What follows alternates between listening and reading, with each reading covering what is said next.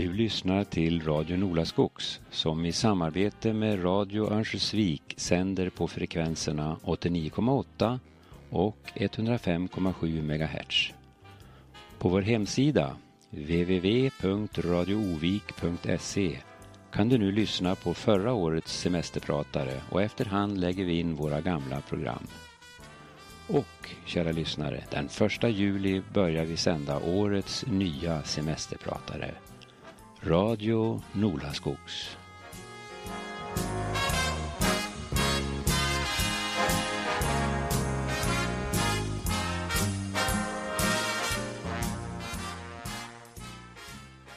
Ja, gott folk. Klockan är halv sju. Välkomna hit. Jag heter Katarina Hägg och är ordförande i den här föreningen Örnsköldsvik, Framtidens akutsjukhus. Och jag vill börja med att tacka Pingstkyrkan som än en gång har upplåtit denna lokal för vår förening. Tack så innerligt. Därefter vill jag speciellt hälsa våra inbjudna politiker och moderator Anna Edblad, VD för Industrigruppen här i Örnsköldsvik. Och presentation av politikerna kommer före frågestunden och jag vet inte om det är Anna själv som kommer att göra den eller om det är de själva som får presentera sig. Ja. Lite ordningsfrågor och information. Ni får mer än gärna applådera och skratta, men burop och dumma kommentarer det lämnar vi utanför det här rummet. Om ni skrivit frågor så lägg dem gärna ut i en frågelåda här som politikerna då senare efter avslutad frågestund svarar på. Politikerna kommer alla att svara på samma fem frågor som allmänheten har skickat in till oss via vår Facebook-sida. Och varje fråga har en stipulerad tid på antingen en eller två minuter. Sen den här kvällen kommer att filmas utav vår förening. Dessutom är Nordaskogsradio här och tar upp ljud och det kommer att sändas nu på tisdag den 28 femte klockan 9 på morgonen och 21.00 på kvällen. Och återigen lördag den 2 femte klockan 9 på morgonen. Så kom ihåg att lyssna om ni vill höra det en gång till. Föreningen Sollefteå Framtidens akutsjukhus och vi, föreningen Örnsköldsvik Framtidens akutsjukhus, har tillsammans tagit fram ett fempunktsprogram. Samtliga partier, förutom ett som är här ikväll, har vi som föreningar träffat och de har fått svara på våra frågor gällande alla fem punkter i programmet. Partierna har fram till sista maj på sig att komma med skriftliga svar Svaren ska sedan sammanställas och läggas ut på föreningens gemensamma Facebook-sida. Jag kommer nu att i korthet läsa upp de fem punkterna i programmet som politikerna fått ta ställning till. Är det någon som vill ha fempunktsprogrammet i sin helhet är det bara att höra av sig till någon av oss i föreningarna. Punkt nummer ett lyder ny ledningsorganisation. Vårt förslag är att stora delar av nuvarande länsklinikorganisation avvecklas. Sjukhuschef och chefsläkare tillsätts på samtliga sjukhusorter. Sjukhuscheferna tillsätter ledningsgrupper med lokalt verksamhetsansvariga på sina respektive sjukhus. Härmed uppnås en plattare organisation och betydande besparing. Punkt nummer tre det är tre akutsjukhus med BB. Vi föreslår att tre akutsjukhus återskapas i länet och det var ju det Socialdemokraterna lovade i förra valet 2014. Det innebär akut kirurgi, akut ortopedi och akut kvinnovård och förlossning återstartar i Sollefteå samt att alla planer på att utveckla kirurgin i Övik påbörjas och fortsätter. Punkt nummer fyra, nej, punkt nummer tre. Sammanhållen vårdkedja. En sammanhållen vårdkedja innefattar sjukhusvård, primärvård och kommunal vård och omsorg och där Region Västernorrland arbetar tillsammans med de olika kommunerna i länet. En sammanhållen vårdkedja ger betydande ekonomiska vinster och ger en betydligt större kontinuitet för patienterna. Punkt nummer fyra. Kompetensutveckling och personalsatsningar. Personalsatsningar är A och O för att komma till rätta med de stora vakanser som finns inom regionen idag. Stafettkostnaderna är skenande just nu. Vi föreslår intensifierade insatser för att förbättra arbetsmiljön samt satsningar på kompetensutveckling, gärna i samarbete med Norrlands universitetssjukhus. Punkt 5. Översyn av den centrala administrationen. Enligt föreningarnas mening måste den administrativa organisationen minska i omfattning och göras plattare med snabbare beslutsvägar. Vi föreslår att en utredning tillsätts med bred representation från personalen som får till uppgift att se över den centrala administrationen. Jag såg en siffra idag på text-tv och där har Eh, 36 procent har det ökat med höga chefer inom landstinget och det har minskat med sjuksköterskor. Nu hade de ingen siffra på det här med sjuksköterskor tyvärr. Och det här gäller ju alltså hela landet, det är inte bara Region Västernorrland. Men 36 procent höga chefer har det ökat med under ett kort tag. Det är ganska mycket. Behövs de allihop? kan man ju fråga sig. Men då tackar jag för mig så länge och lämnar över ordet till moderator Anna Edblad.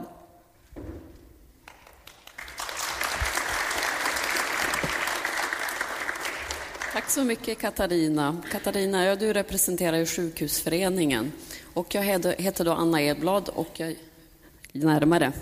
Ja, nu blev det bättre. Eh, jag jobbar till vardag som VD för Örnsköldsviks industrigrupp och vi är ju ett partipolitiskt obunden organisation. Jag vill vara lite tydlig med det. Däremot så är det så att för industrin så finns det ett väldigt stort intresse. Det finns en fungerande samhällsservice och då är ett fungerande sjukhus en stor del en stor del av det och det är en av de vanligaste frågorna vi får till vår organisation. Hur går det med sjukhusfrågan? Så det är därför vi har engagerat oss i det här. Men vi ska, ni ska få presentera er själva. Ska... Ja, Mattias Rösby heter jag och jag är då ordförande för Sjukvårdspartiet Västernorrland. Eh, och det är något som jag har varit sedan den 10 februari i år. Eh, och eh, Sjukvårdspartiet eh, Västernorrland går ju nu då till val 2018 efter att inte ha gjort det 2014. Vi, vi, senaste valet vi genomförde var 2010. Men nu är vi verkligen på gång igen.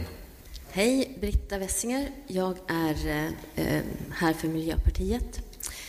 Idag är jag distriktsordförande och jag står som första, på första plats på regionlistan. Och jag kommer från Sollefteå, ska jag säga.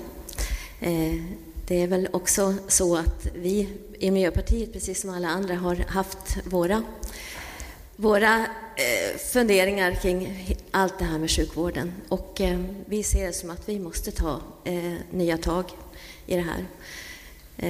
Och det är inga enkla frågor, men det är bra att få komma hit, tycker jag. Tack.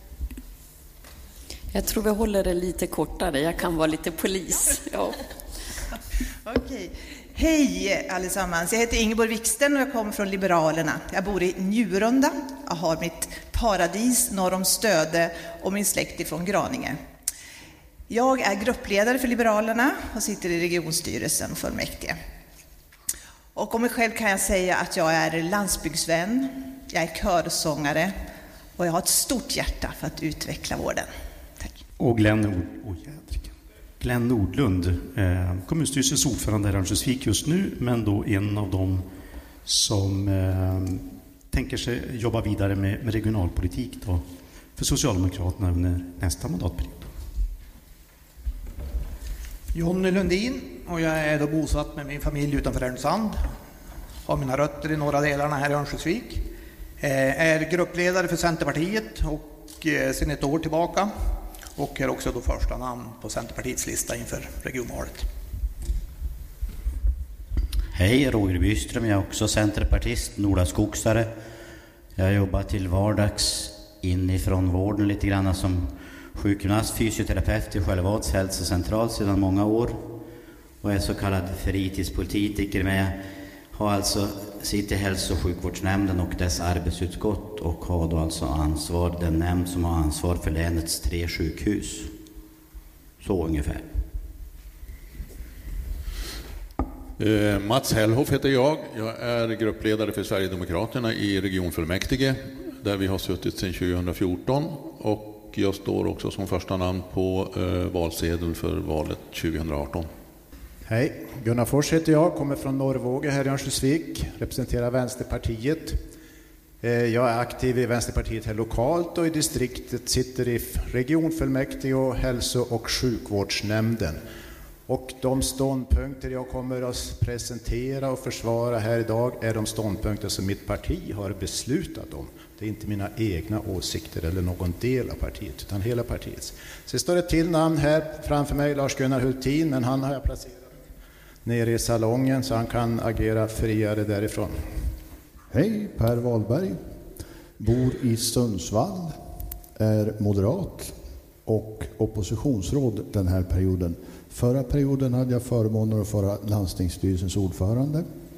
Jag har jobbat två mandatperioder som politisk sekreterare tidigare.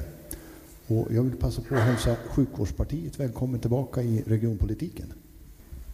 Ja, hejsan på er. Jag heter Mona Hammarstedt, kommer från Ånge kommun och bor i Fränsta, då som ligger i Ånge kommun. Och jag är gruppledare för Kristdemokraterna och sitter i eller regionstyrelsen och fullmäktige och i vårdvalet som ersättare. Tack. Tack så mycket allihopa. Då ska vi se, är ni redo så kör vi igång. Precis som Katarina sa så kommer vi inte ha debatt utan varje parti ska få svara på de frågor som jag ställer och ni har haft möjlighet att förbereda er också. Så det blir, så ni kommer, var och en kommer att få höra vad respektive parti står för. Då ska vi se här. Det har gjorts en utredning av länsorganisationen som ser ut så här. Ni ser själva att det är en ganska diger lunta. Det man har utrett, ursprungligen hade man ju tre sjukhus, Sollefteå, Övik och Sundsvall, som var egna, egna organisatoriska enheter inom länet. Eh, ja, var det 2013 eller 2014 valde man att omorganisera till länskliniken. Ni kanske har läst någon artikel i tidningen också. Och det är att utvärdera hur de här länsklinikerna har fungerat som ett par konsulter har gjort. Så nu till vår fråga till er. Jag tror att vi kommer börja med dig här Mona, för du är närmast. Vilka slutsatser har ditt parti dragit utifrån utredningen av länskliniken? Vilka för och nackdelar kan du se? Ja, fördelarna blev väl inte vad vi, som vi hade förväntat oss. Differentierad inriktning på de tre sjukhusen. Men dialogen den åstadkom aldrig. Så samarbetet som hade krävts uppnåddes inte. Det kan ha sin orsak för att det blev då en centralledning. Närmare. Så. Mm. Mm. Tack så mycket. Jag tror vi fortsätter. I, oops. Sådär. Förra mandatperioden så väckte vi i Vårdalliansen frågan om att göra om organisationen till länskliniker. Det finns fördelar att organisera det så. Vi får en operationskö, vi får ett likartat sätt att arbeta. Men det är ju bara att konstatera, det blev inte riktigt som vi hade tänkt oss och det blev inte genomfört på det sätt som vi hade framfört hos oss. Det vi tappade bort på vägen, det är det verksamhetsnära lokala ledarskapet. Och när jag pratar med mina kollegor runt om i landet så säger alla att om ni inför länskliniker, tappa för guds skull inte bort det lokala ledarskapet. Det går att kombinera länskliniker med ett lokalt ledarskap. Det inte bara går, det måste vara så. Tyvärr så tappade vi bort det. Och det är därför vi körde inte bara i diket, vi körde en bit upp i skogen också. Men Per, vad innebär det då att ni önskar ska hända? Alltså utifrån ett val nu, om ni tycker att man har tappat bort den här lokala, du var inne på det också. Ja. Vi vill ju förändra länsklinikernas eh, organisation. Vi vill stärka det lokala verksamhetsnära ledarskapet. De chefer och ledare, första linjen, som är närmast golvet, som är ute och träffar patienter, som gör det absolut viktigaste arbetet varje dag i den här organisationen.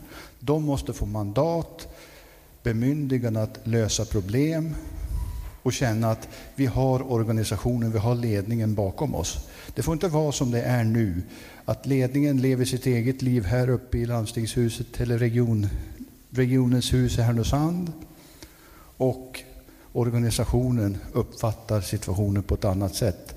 Jag var ute på cirka 35 verksamhetsbesök. Avdelningar, operation, akutmottagning, ambulans och träffat personal. Och alla säger, det man efterlyser är ett verksamhetsnära lokalt ledarskap. Lyckas vi med det och förändra länsklinikorganisationen i de delar där det inte fungerar, då tror jag att vi är närmare en lösning. Så ni kommer föreslå en förändring då i den organisation som ligger? Jag tror att vi ska gå över till Gunnar, det blev mer min slutsats av ditt resonemang. Ja, man faktar sig för visslingen. Ja.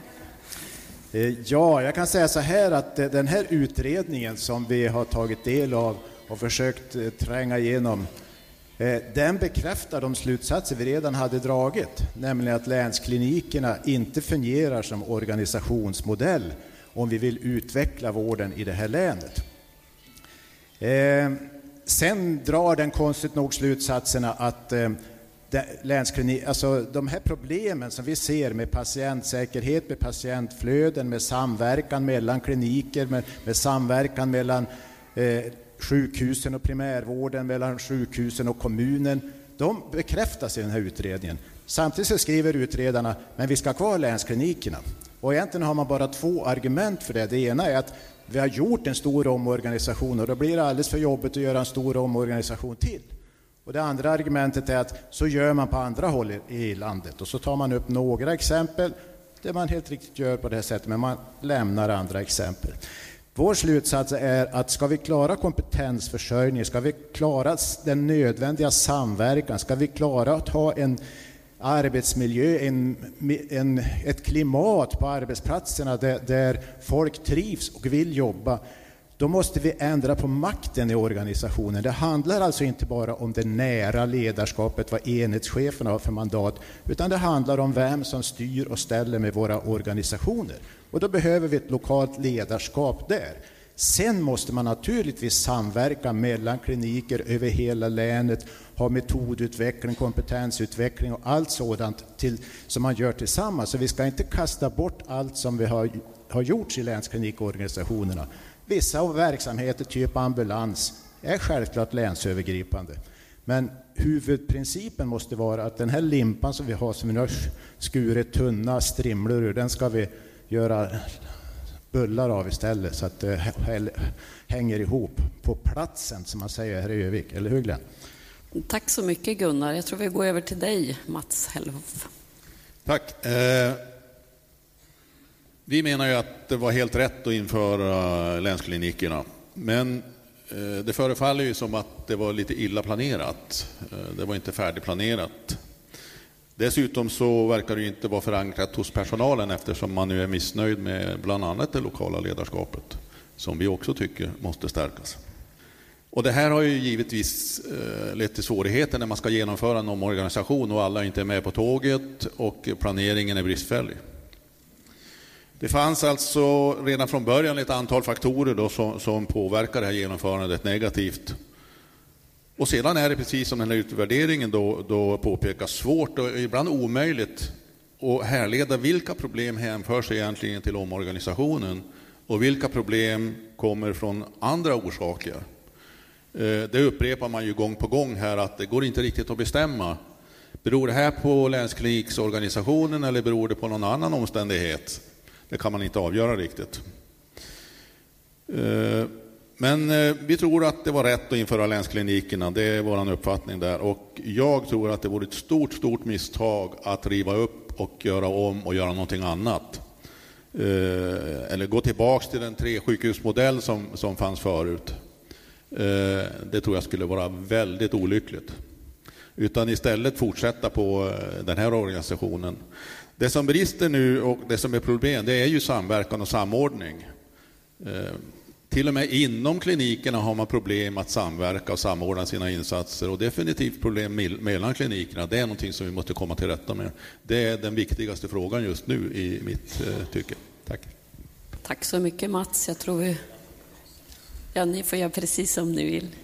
Vi tackar för det. Nej, men det fanns ju en lovvärd ambition med införandet av länsklinikorganisationen.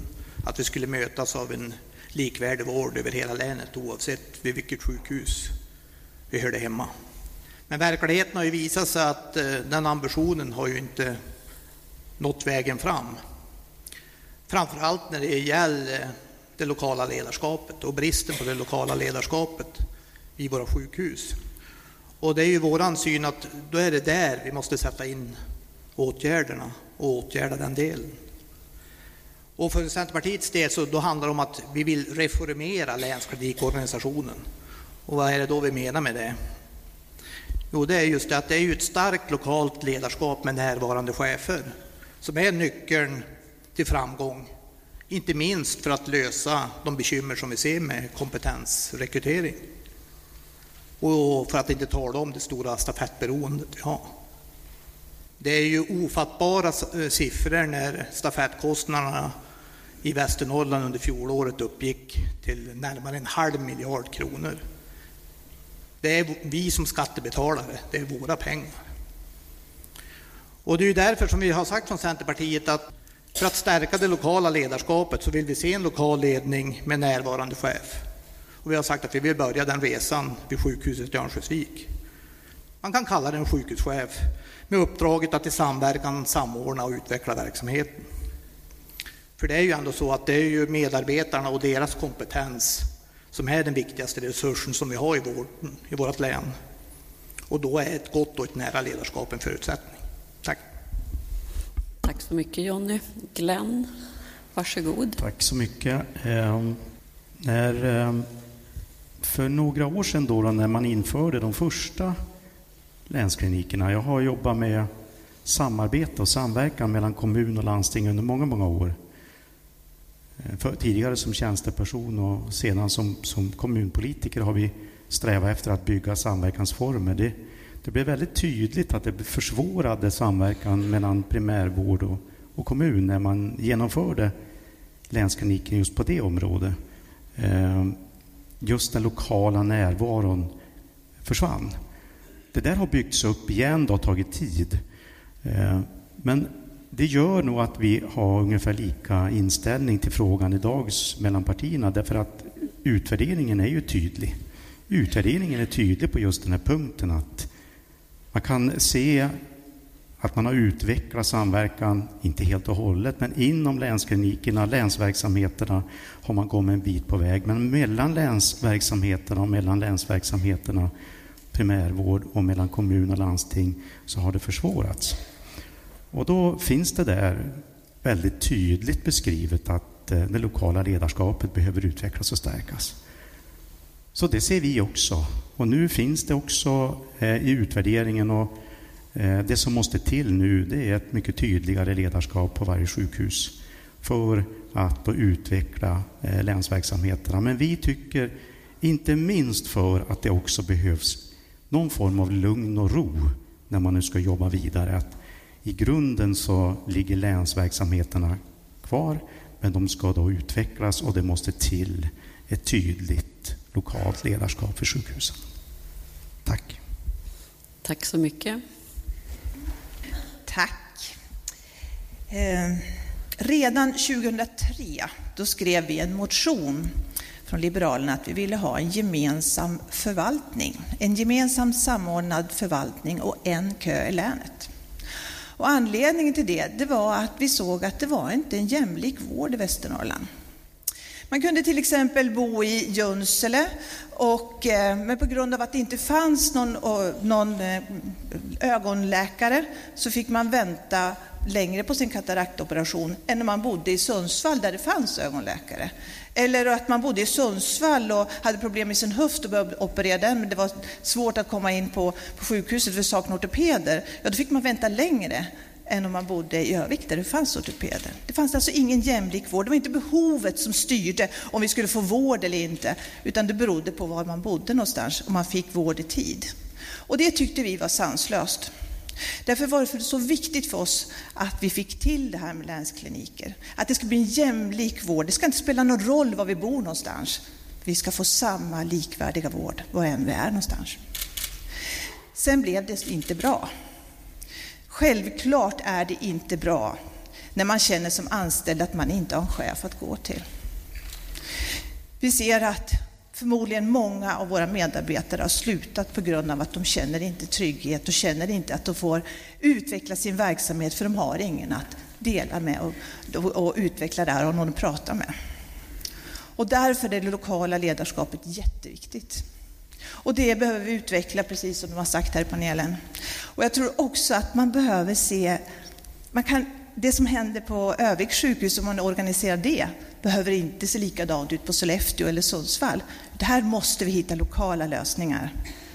Men varenda medborgare, länsmedborgare i Västernorrland, de ska få en jämlik vård oavsett var de bor. Tack så mycket. Att läsa den här utredningen om länsklinikerna är ganska bedrövlig läsning, så är det. Och det finns inte någon eh, ny organisation som går att införa när man inte har överhuvudtaget processat det med medarbetarna. Jag har jobbat fackligt i ganska många år och eh, det är eh, en del i den här stora problematiken med länsklinikerna. Intentionerna var, precis som många har sagt, goda. Likvärdig vård, eh, en operationskö. Men länsklinikerna har inte fungerat och det ser man i den här utredningen väldigt tydligt. Och det finns också förslag på vad man ska göra åt det. Lokalt ledarskap är en sån sak. Och det är vi alldeles alla överens om i stort sett. Och jag tycker också att man måste fundera på, eh, precis som, jag vet inte om det var Gunnar som sa det, ambulansen till exempel är en självklar länsövergripande verksamhet. Det finns andra. Men alla kanske inte passar till det. Och jag tycker att man ska verkligen analysera varje område och se vad är det som passar bäst för att, just för att också stärka samarbetet. Vi har ett uppdrag nu, också det nationellt ifrån. Jag kan säga att strukturrationaliseringarna som kom, det var en nationell eh, inriktning som alla har följt. Eh, men allt passar inte till det. Eh, och lokalt ledarskap, delaktighet och medarbetarskap, det är det absolut viktigaste för att få den här organisationen att fungera. Ja, eh, innan jag börjar ska jag faktiskt säga så här att Sjukvårdspartiet en gång i tiden eh, röstade för länsklinikernas införande och jag känner ju igen många av de här sakerna som tas upp här för för det är min tur så att säga, att eh, ja, det fanns väldigt mycket goda intentioner. Men eh, ja, det har nog inte blivit riktigt som det var tänkt. Eh, I alla fall så Sjukvårdspartiet, vi har gjort en analys av den här analysen kan man säga då, och kommit fram till att eh, utredningen i stort sett bara visar stora nackdelar. Mer byråkrati, sega beslutsprocesser och i det närmaste obefintligt personalinflytande. Och det har blivit sämre samarbete såväl mellan som inom sjukhusen. Och någon ekonomisk uppsida står inte heller att finna. Annars var ju tanken med länskliniken liksom att saker och ting skulle göras på lika sätt då på alla sjukhus. Och eh, det skulle bidra till en mer jämlik vård genom gemensamma vårdköer. Men det har man ju inte heller lyckats införa. Va? Och då ska man veta att organisationen den har ju liksom varit på plats sedan september 2015 i alla fall. Och sen är det ju så här att en länsklinikchef kan per definition bara vara närvarande på maximalt en ort i taget. Minst två står alltid utan chef. Och reser länskliniken i vårt stora län, då är alla sjukhusorter utan chef. Vi har fått en dyrare och sämre vård. Vi anser att vi har fått sämre arbetsmiljö i vården, sämre jämlik vård, sämre produktivitet och sämre attraktivitet som arbetsgivare sedan länsklinikerna infördes. Och fördelar med länsklinikmodellen, de anser vi bara finns i de fall där personalen själva på de tre sjukhusorterna av någon anledning skulle vilja ha den lösningen. Ambulansen har ju nämnts här tidigare och kan ju vara ett sådant exempel. Då. då fyller den sin funktion. Annars är det faktiskt så att vi upplever att länsklinikernas främsta uppgift rent allmänt har fungerat som att kunna lägga ner verksamhet utan fullmäktige beslut.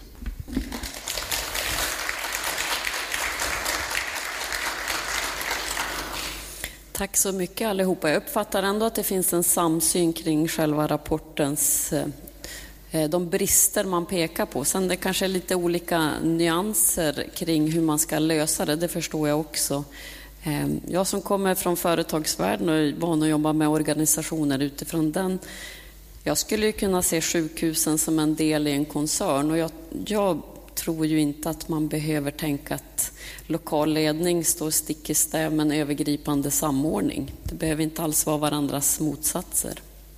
Då går vi till nästa fråga. Jag tror att eh, då i, börjar vi borta hos dig. Jag ska läsa upp den också. Hur ser ditt parti på de miljö och ekonomiska konsekvenser som de ökade transporterna av patienter mellan sjukhusen fört med sig i och med centraliseringen till Sundsvall? Alltså hur ser ni på miljö och ekonomikonsekvenser? Och hur tänker ni kring tillgången på ambulanser och ambulanspersonalens arbetsmiljö samt de ökade riskerna för patienterna? Här är det lite kortare tids... Jaha, jag ska försöka ja. lyckas med det då. Ja, Katarina hjälper dig. Ja, vi är av den bestämda uppfattningen att fler dör på grund av den här centraliseringen än de dödsfall som centraliseringen påstås ska spara. Och det anses ju redan ha skett sådana dödsfall och IVO utreder dem i Sollefteå. Eh, dessutom skapar ju de här transporterna ett allmänt ökat lidande för patienterna när de skumpar runt på våra usla inlandsvägar. Och om så länet skaffar miljontals ambulanser så riskerar ju den enskilda medborgaren fortfarande att dö på sin tidskrävande resa till en alltför avlägsen vård. Det här är en katastrof ur miljö och ekonomiskt perspektiv. Antalet mil i transporter av alla de slag, alltså inkluderande även privatpersoners transporter, har ökat med miljontals mil. Ambulanstransporterna alena har officiellt ökat med mer än 11 000 mil mellan 2016 och 2017 och det var ju liksom inte riktigt när det hade slagit igenom. En ambulans kostar cirka 800 kronor per mil så den här ökningen alena kostade 9 miljoner. Ja, vi kan, kan ge oss det, men vi kan ju säga ändå, jag måste få säga sista för jag tycker den är så viktig. Vi anser att det måste vara oerhört frustrerande att som ambulansarbetare då transportera framförallt kirurgiska patienter där möjligheten till insatsen i ambulansen är starkt begränsade. Det måste vara direkt otäckt och en dålig situation ur arbetsmiljösynpunkt. Tack så mycket. Det är så att vi ska satsa på samverkan mellan primärvård, eh, specialistsjukvård och hemsjukvård. Och eh, det är ju något som förhoppningsvis ska lösa de mesta av de här transporterna. Därför att det finns en utveckling som, som gör att eh, eh då kan man få vård på nära håll. Ambulanserna ska utbildas och utvecklas mer. Eh, digitaliseringen lika så. Men eh, det är också så att det är helt rätt. Eh, sjuktransporterna och ambulanserna alltid har ökat och det är inte hållbart. Det håller vi helt med om. Men vi måste se på hur vi ska utveckla vården för att människor inte överhuvudtaget ska fraktas mellan orter. Eh, det är många idag som kan faktiskt eh, skötas hemma och, och det är vad vi måste satsa på. Det har vi sett viktiga exempel på. Tack så mycket. Ja, för en tid sedan så besökte vi Liberalerna ambulanssjukvården i Sollefteå. Det var ett väldigt intressant besök och tyvärr så bekräftade det besöket mycket av den oro som vi faktiskt kände. Transporterna som sker mellan sjukhusen, framförallt då kanske från Sundsvall upp över till, till Övik och Sollefteå, beror ju på att det saknas vårdplatser. Det är multisjuka äldre som får, får fraktas upp eh, och så mer akuta fall som åker till Sundsvall. Vi liberaler har efter det här skrivit en motion om just transporter eh, i vården eftersom vi är jättebekymrade över hur de här antalet ökande transporterna och hur regionen ska klara den här tillgängligheten. Till ambulans också nu när vi får så många transporter. Och vi ser också den här stressfaktorn som finns bland våra ambulans, som jobbar inom ambulansen. Eh, ibland lämnas ju faktiskt också de här transporterna över till taxi, som sjukresor. Och då ser jag väl som multisjuka äldre som åker i en taxi. Man lämnar över det medicinska ansvaret till dem. Och det är vi mycket bekymrade för. Så vi vill också då att man ska upphandla en lättambulans och vi vill också att det ska bli ett reglemente för hur man ska sköta det här för att man ska bli, få en patientsäkrare transport. Tack så mycket. Eh, nu är det nämnt, men jag tror att man ska, vi ska fokusera väldigt mycket på just de eh, svårt sjuka, multisjuka, sköra äldre som skjutsas fram och tillbaks eh, eh mellan sjukvården, sjukvård och mellan den kommunala vård och omsorgen och mellan sitt eget hem på ett sätt som, som är alldeles förskräckligt. Förstärkt primärvård, förstärkt Eh, hemsjukvård skulle kunna avlasta det här väldigt mycket.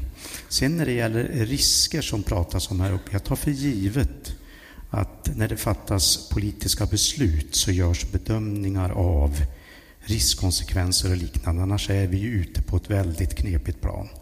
Eh, och sen att man också gör bedömningar när det gäller transporter, eh, behovet av transporter eh, kontra det här med miljöbelastning och liknande.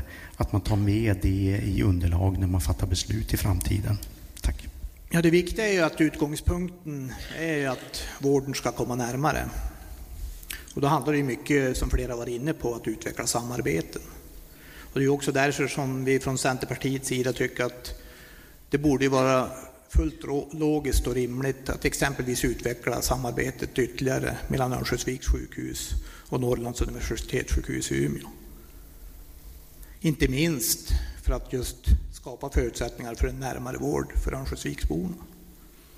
Ser man allmänt till transporter så är det viktigt att de ska ske hållbart på alla sätt och vis, både när du ser till miljö och ekonomi, men framför allt utifrån den enskilde patienten och deras situation och behov. Vi måste ju ha ett tydligt fokus på de som vi är till för, det vill säga våra patienter. Och, eh, det här är ju naturligt, eh, arbetsmiljöfrågorna lyfts ju fram i frågeställningen och det är ju också självklart så att det är en en viktig del att ambulanspersonal med flera har en god arbetsmiljö. Tack. Eh, som gammal blåljusare så eh, är jag väldigt eh, angelägen om eh, även ambulansverksamheten. Vi bor i ett landsbygdslän. Åker man västerut så hamnar man i ett glesbygdslän. Vi har så att säga terrängen emot oss om man säger så. Eh, ambulansverksamheten är ju oerhört viktig och vi menar ju att man måste fortsätta att investera i ambulanssjukvården. Vi måste hålla oss med de bästa fordonen, vi ska ha den bästa tekniken i ambulanserna och personalens kompetens måste prioriteras, bland annat genom utbytestjänstgöring. Då. Och vi ska ha ett tillräckligt antal ambulanser och vi måste bestämma oss för var ska de här ambulanserna lokaliseras så att vi kan hålla utryckningstiderna i hela regionen max 30 minuter ska utryckningstiden vara. Att det här kommer att kosta mera pengar, det är givet. Det, det kan man ju förstå när man gör strukturförändringar i, i eh, specialistsjukvården. Eh, men då avslutar jag där. Tack. Tack så mycket. Ja, det är ju så här att de här frågorna hänger ju ihop. Det vi pratade om tidigare om länskliniker, vi pratar nu om ambulanser. Alltså att vi, nu har vi alldeles för mycket resande ambulanser mellan våra sjukhus därför att till exempel länskliniker inte kan samverka med varandra. Det, framförallt så handlar det om tillgången på den akuta kirurgin, men även akut ortopedi, som gör att man sätter de här multisjuka, sköra äldre att för säkerhets skull åka till det sjukhus som har den kompetensen som behövs ifall den behövs. Man har till och med svårt att göra bedömningar. Alltså det skapar ju en väldigt svår arbetsmiljö för ambulanspersonalen som har att avgöra med hjälp av kontakten med sjukhusen, vart ska vi åka och så vidare. Så att eh, de här frågorna hänger ihop och jag hoppas att det, det sker mycket arbete, mycket kreativitet kring att utveckla ambulanssjukvården och det är ju bra. Nya typer av bilar och så vidare. Men det får ju inte vara lösningen på ett problem som har en annan lösning, nämligen att vi ser till att, vi har en fungerande akutsjukvård. Varsågod Per. Tack. Får man applåden innan man har sagt någonting? Det var spännande. Miljö och ekonomiska konsekvenser. Det här är en jättebra och viktig fråga. Det finns och det fanns en hel del i övrigt att önska när det gällde underlagen inför beslut. Det må så vara, men sen måste man kunna följa upp. Vad hände? Jag vet att Johan Andersson, Centerpartiet i Sollefteå och Kerstin Svensson, Moderater från Sollefteå, har försökt att få reda på hur ser det ut? Hur mycket miljöpåverkan har det blivit av ökade transporter? Den frågan har vi inte fått svar på.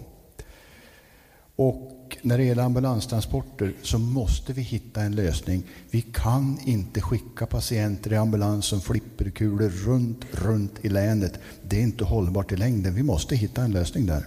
Tack så mycket. Det är en mycket viktig fråga. Man önskar ju att man ska kunna göra allt överallt. Men en del uppdrag går ju inte att göra på alla sjukhus här i länet heller. Så när det gäller transporterna, så visst, ambulanserna har ju ökat resandet, men vi har ju kompetent personal på ambulanserna också. Vi har bra ambulanser och det får vi väl vara tacksamma för. Men jag vet inte, det finns inga mätningar. Samtidigt lever vi i en sån här bygd där det finns en kostnad och miljöpåverkan också. Så allt måste sättas samman. Och det är patientsäkerheten som vi måste värna om. Och det här är faktiskt oerhört eh, svårt och komplext. Ja, kanske ser vi fram emot den utredningen. Det kanske ser vi fram emot den utredningen som man säger i industrin, man vill mäta, mäta, mäta. Mm. Då går vi raskt över till nästa intressanta fråga och då blir det du igen Mona. Mm. Hur tänker ni att de höga kostnaderna för stafetter ska minskas? Ja, det är också komplext. Eh, jag tror att eh, en fungerande sjukvård, det kräver en systemförändring.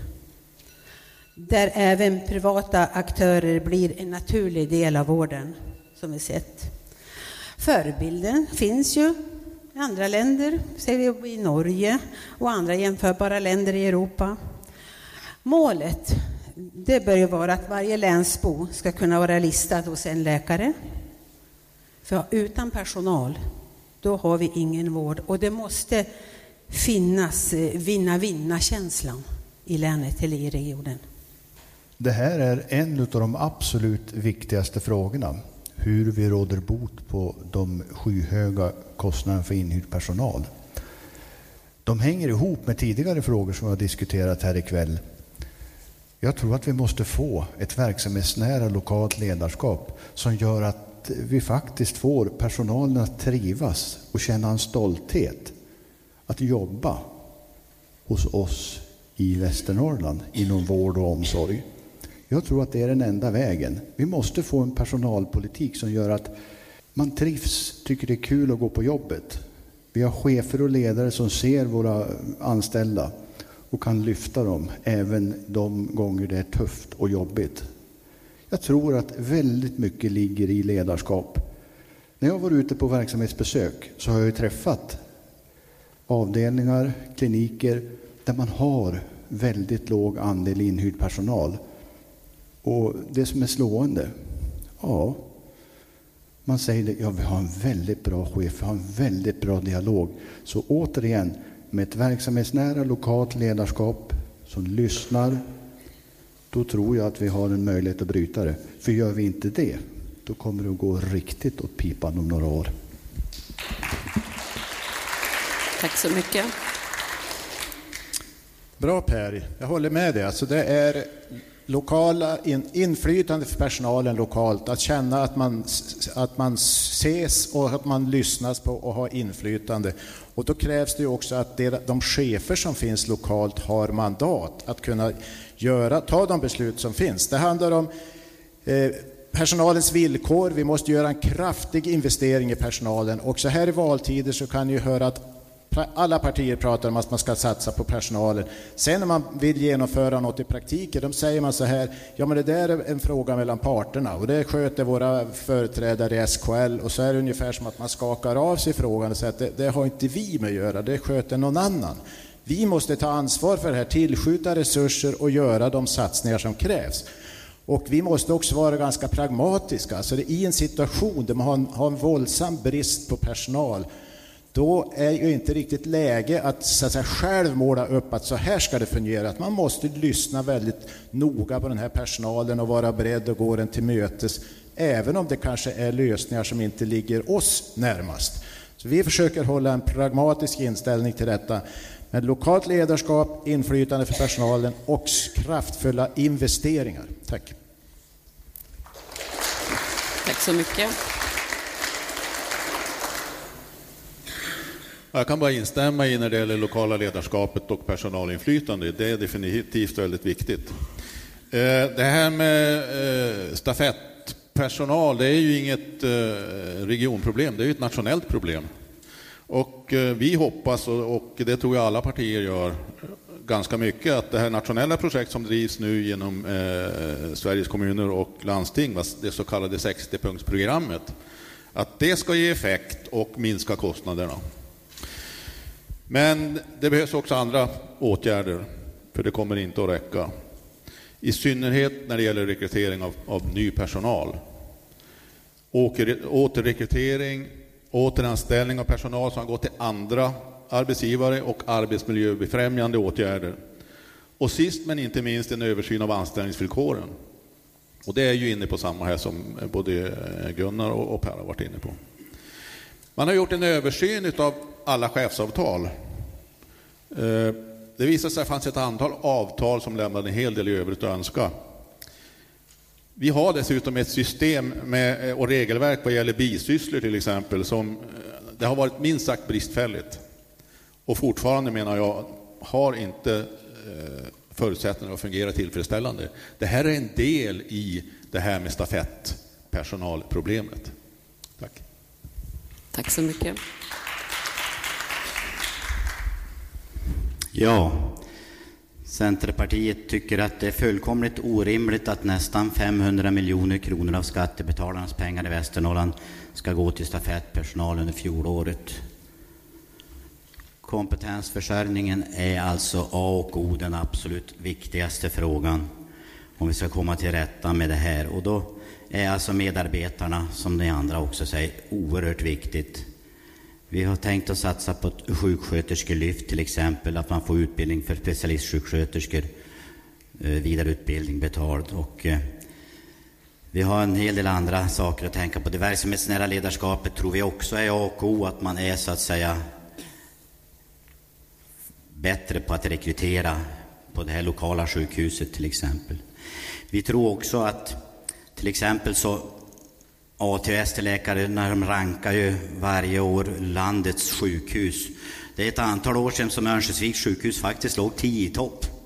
I fjol hade vi en föga 41 hedrande, föga hedrande 41 plats i rankingen av hur AT och ST-läkarna rankar alltså vad de tycker om vårt sjukhus. Och det tycker jag är bedrövligt. Och då måste vi alltså ställa oss frågorna, hur kommer vi till rätta med det? Vi måste göra en, en attraktiv utbildningsmiljö. Vi måste också satsa på att folk får syssla med det de är utbildade för. Vi kan inte ha sjuksköterskor som ska servera kaffe till personal, nej, till patienterna.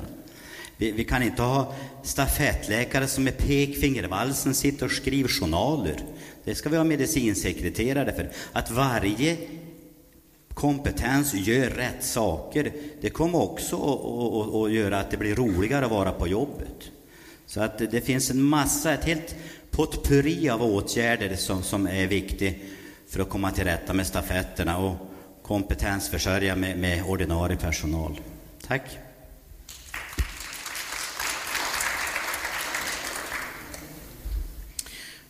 Eh, stafetter kan man ju se som ett symptom på, på någonting. Eh, och det handlar ju egentligen om kompetensförsörjning. Att se till att man eh, klarar av att rekrytera den kompetens som man behöver, att ha, klara av att ha kvar, behålla den kompetens som man behöver. Och det är ju någonting som ändå man har att kunna jobba med. Alltså att jobba med, som vi har varit inne på, vad är det som egentligen påverkar en arbetsplats? Ja, det nära ledarskapet. Det är arbetsvillkor, alltså allt ifrån schemaläggning till annat, och arbetsmiljö. Och det är ju som självklart att det här är någonting som vi måste satsa på. Det måste satsas på hårt, därför att om vi inte klarar av att kompetensförsörja de verksamheter som regionen har, då blir det svårt att prata om det vi vill utveckla. Vi vill utveckla primärvård till exempel, men då måste vi ju först och främst se till att vi har den personal som behövs. Så att satsa på personalen, satsa på arbetsvillkor, satsa på löner, det är ju grundläggande för att vi ska klara av också att utveckla verksamheten. Tack. Tack så mycket. Ja, det handlar ju framför allt om hur regionen tar hand om sin personal. Vi behöver bättre arbetsmiljö, tydligare lokalt ledarskap, ta vara på personalens kreativitet och kompetens att vilja utveckla verksamheten, värna personalens rätt till återhämtning med arbete max två helger av fem, satsa på kompetensutveckling. Det ska löna sig att utbilda sig även inom vården. Ehm, och det ska löna sig att ta på sig mer ansvarsfulla arbetsuppgifter. Vi ska uppmuntra till friskvård, personalaktiviteter, man ska få jullunch och det ska vara roligt att gå till jobbet. Det ska vara bättre att vara anställd än att vara stafett. En kompis till mig hon jobbade på akutmottagningen i Sundsvall i 25 år. Hon hade gjort det och fortfarande hade en lön som låg på 25 000. Och hon hade liv och död i sina händer varenda dag. Ja, då gav hon upp. Lönen har också en viktig poäng i det här. Tack så mycket. Det finns ingenting som är så viktigt i vården som att eh, ha fast personal. Personalen måste känna varandra, man måste kunna jobba i team, man måste kunna lita på varandra. Och som vi har det nu så, så har vi förlorat väldigt mycket av det och det delar vi med i stort sett alla regioner och landsting. Men det, är ingen, det gör det inte bättre så att säga. Vi måste satsa på eh, medarbetarskapet, vi måste satsa på det lokala ledarskapet och ledarskapet överhuvudtaget. För det är där det hänger, ihop. det hänger ihop. Och man måste se vad är det för organisation som är bäst för att få det här att fungera. Vi kan se ut över landet. Vad är det, var fungerar det här bra? I vilka verksamheter fungerar det bäst? Och faktiskt använda de goda exemplen. För man måste trivas på jobbet, annars så gör man något annat, som så många gör. Väldigt viktigt. Tack.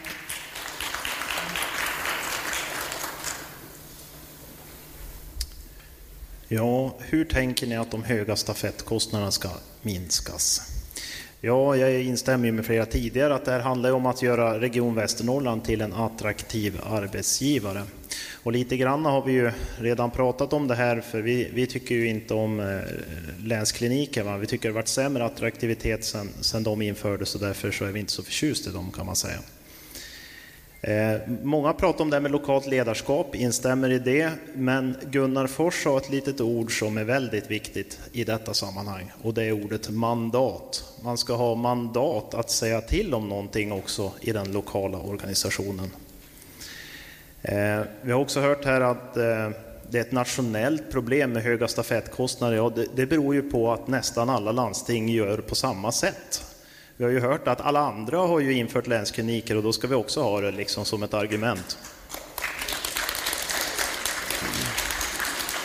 Nej, hörni, vi tror att en tydlig signal och vilja att bygga sammanhållna vårdkedjor i en smäll skulle vara den signal som många vill ha från Region Västernorrland. Signalen skulle ge ett innovativt framtidshopp och vi är det närmaste övertygade om att detta omedelbart skulle locka tillbaka personal och locka ny personal till sjukvård här i länet. Ju fortare detta görs, desto bättre. Tack. Tack så mycket. Jag skulle bara vilja säga några ord om kompetensförsörjning, för det är ju inte bara regionen som lever i en bubbla och har utmaningar med kompetensförsörjning. Det har ju industrin, det har ju många andra branscher också, så det är en tuff marknad där det är fler som går i pension än vad som kommer ut på arbetsmarknaden. Sen har vi många som är nyinflyttade och så vidare. Så att vara en attraktiv arbetsgivare, det är ju konkurrens med alla andra på arbetsmarknaden så att säga. Det är inte bara regioner eller vårdens problem, man konkurrerar med andra också. Och jag tror också kanske att de här stafettkostnaderna har ju ökat över en period, så kanske är det att man måste göra nytt, inte mer av samma. Vilken, ja, jag stannar där.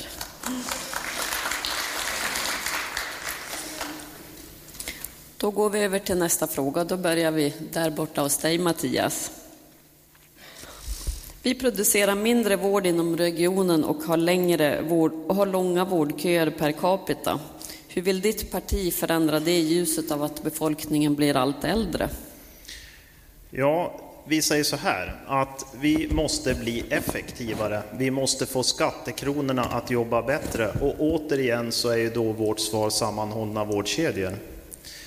Eh, sammanhållna vårdkedjor fokuserar ju på de mest resurskrävande patienterna och en av de givna kandidaterna där är ju just de äldre.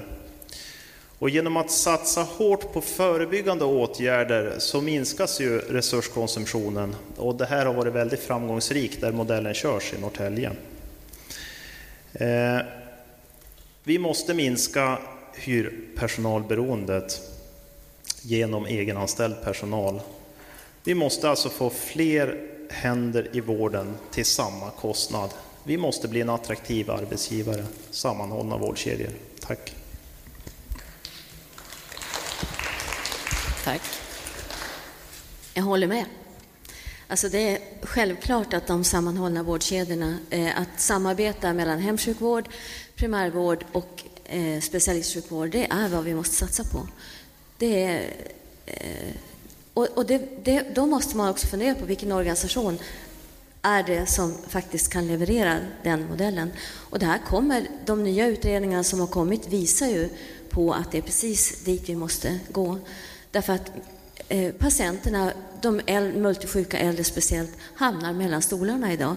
Och eh, det ska de inte göra. Vi har ett ansvar att se till att människor får en likvärdig och bra vård var man än bor. En kort fråga bara. Vad betyder sammanhållen vårdkedja? Det är att man samarbetar mellan de här vårdgivarna. Att man ser till att patienten är i centrum. Det är patientens behov som ska styra oavsett vilken vårdgivare som det gäller. Så det ska finnas en ansvarig för den här patienten som ser till att den får det den ska ha. Tack så mycket. Ursäkta att jag bryter in, men en sammanhållen vårdkedja. Det är alltså specialistvård, sjukhusvård, primärvård, kommunal vård och omsorg som jobbar tillsammans med patienten. Tack så mycket.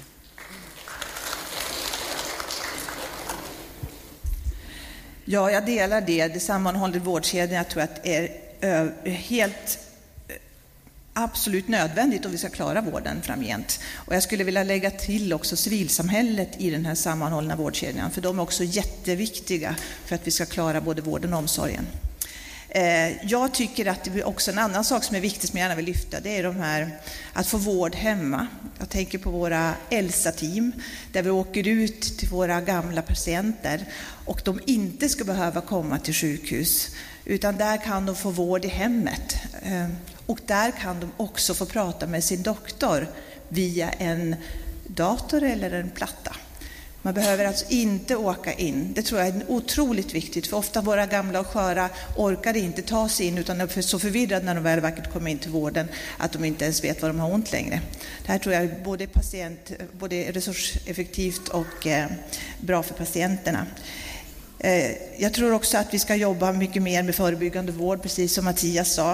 Eh, Framför allt vi ska vi ska göra mer för att de friska åren för äldre ska bli mycket längre. Vi lever ju så länge idag, över 100 år ser vi hur det allt fler blir. Och, eh, och därför handlar det om att göra mer promenadstråk, cykelbanor, enkla utegym, men också att snöröjningen och sandningen fungerar på vintern. Och där handlar det också om att vi samarbetar med kommunerna för att lösa det här på det bästa sätt. Så samverkan tror jag också är ett nyckelord i det här. Tack så mycket. Det blir ju så mycket upprepningar därför att vi är ju som inne på samma linje i de här frågorna. Men det hänger ju som ihop. Vårdköerna, återigen, i grunden personalförsörjning. Det andra är att, att utgå ifrån eh, medborgarna, patienternas behov. Och då är vi inne på det flera gånger. att eh, de som ofta upptar platser, det är de eh, multisjuka äldre, de sköra äldre som åker in och åker ut till sjukvården. Och då, då är det det här med att stärka upp primärvård, att den nära vården ska klara av mer, men också sortera på ett bättre sätt. Den nära vården måste klara mer och det gör då att man, man då kan eh, avlasta sjukvården på, på ett annat sätt. Sen är vi inne på det här med samarbete. Det handlar ju om att utgå ifrån eh, de behov som eh, invånarna har, väldigt mycket de äldre har, och samlas runt det behovet utifrån eh, det ansvar man har, om det då är primärvård, om det är slutenvård eller om det är kommunal verksamhet. Att samlas runt de behoven och klara av att samarbeta på ett effektivt och bra och strukturerat sätt så att de behoven kan tillgodoses på rätt sätt. Tack så mycket. Ja, sammanhållen vårdkedja, ja det har vi pratat om allihopa, det är jätteviktigt. Det är också viktigt att inom enheten man har en kontinuitet om att man är ett team som samarbetar tillsammans så att man blir effektivare. Och där skulle jag redan på förra frågan att tipsa er att få komma och hälsa på på Charlevads vårdcentral som sedan många år tillbaka inte har haft något behov av stafetter. Och det tror jag är en viktig del för att bli effektiv. Så att eh, det är ett tips till er andra. Men i övrigt så har ju Centern nationellt vill vi införa en tillgänglighetsmiljard, alltså en satsning som ska garantera tillgänglighet genom hela vårdkedjan från diagnos och utredning till operation och återbesök. Vi har också inne på att det är oerhört viktigt att få en fungerande primärvård så att den kan ta hand om och därför vill då Centerpartiet tillsammans med övriga vårdalliansen satsa 200 miljoner extra till länets offentliga hälsocentraler och privata vårdcentraler de närmaste åren. Det är också viktigt att fler får vara med och leverera vård och omsorg och att, att de privata även får, får möjligheter på samma sätt. Sen vill vi också nationellt satsa 300 miljon, miljoner för att BUP har ju otroliga köer nu med, med, tillgänglighet som är sämst i landet och otroligt ledsamt kan jag tycka. Och där vill vi så att säga satsa åtminstone 300 miljoner nationellt för att korta köerna i barn och ungdomspsykiatrin. Det är några av våra viktigaste bitar i det här. Ja, det får räcka så. Tack så mycket. Kompetensförsörjning och hyrpersonal hör vi, det är nationella problem. Så även vårdköer, operationsköer. Västernorrland är inte ensamma i landet om att ha de problemen. Det är egentligen så att vi är värst i landet. Vi föreslår ett nationellt vård och operationsregister, för det här är ett nationellt problem. Så att den patient som står i en vårdkö, till exempel här i Örnsköldsvik, ska få reda på så här lång är kötiden här. Det finns andra kötider på andra ställen och så får man välja. Vill man stanna kvar här och bli opererad här eller vill man ta sin operation någon annanstans och köa där? Vi måste i mycket högre grad börja samverka med andra vårdaktörer, landsting, regioner och tillsammans nationellt lösa de problem som vi har i svensk sjukvård. Västernorrland är ju ingen ö.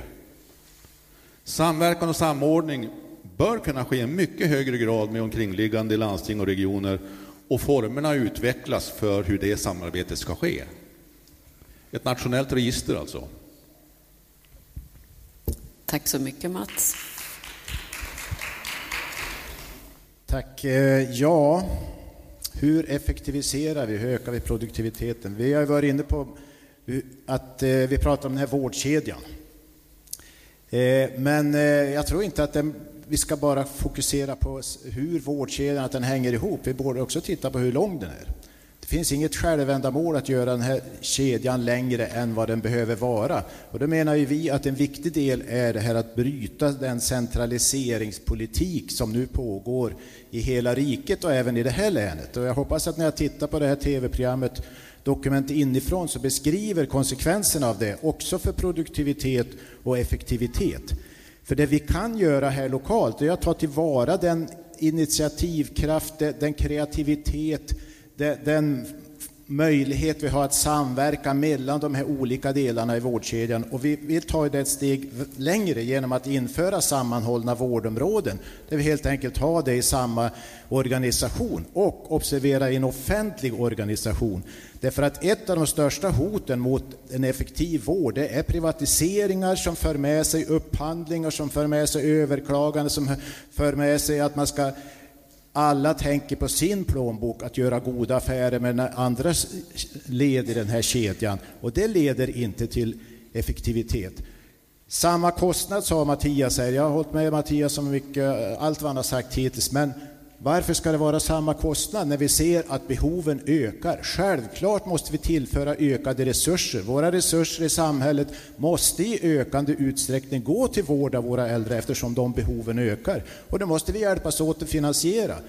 Men vårt förslag är ju att detta ska ske på, på riksnivå via statliga skatter. Och vi har ju också lyckats genomdriva ans, ökade anslag via staten till landstingen. Tyvärr har de ju inte kunnat användas där vi har ansett att de ska användas, till exempel för förlossningsvården här i länet. Men det är en, det, den frågan äger vi själva. Tack. Tack så mycket. Tack. Ja, nu låter det ju här ikväll som att vi är rörande överens här i panelen. Så är det ju inte riktigt. Vårdköerna har ökat dramatiskt de senaste fyra åren. Kostnaderna för inhyrd personal har ökat dramatiskt de senaste fyra åren. För det ansvarar Socialdemokraterna, Miljöpartiet och till viss del Vänstern. Regering, riksdag och region. Vi måste hitta en lösning på det. Och när det gäller vårdköerna så är kompetensförsörjningen helt avgörande.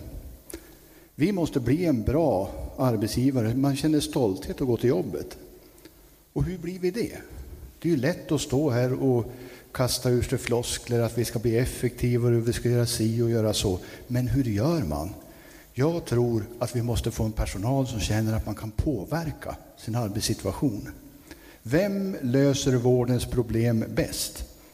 Vi politiker i fullmäktigesalen eller i styrelsen eller sköterskan, läkaren som faktiskt är ute i organisationen, i operationssalen, på avdelningen, på kliniken, i ambulansen. Det är personalen som vi måste satsa på för det är de som kan lösa krisen. Det kan inte vi göra genom att fatta politiska beslut och inte ge dem möjlighet att verkställa dem. Sen är det jättespännande att Gunnar Fors lyfter upp centraliseringsivern.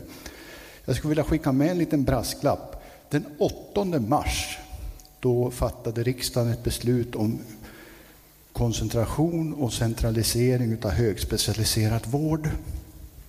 Samtliga partier förutom SD röstade ja till det. Det kommer att få dramatiska konsekvenser för till exempel Sundsvalls sjukhus.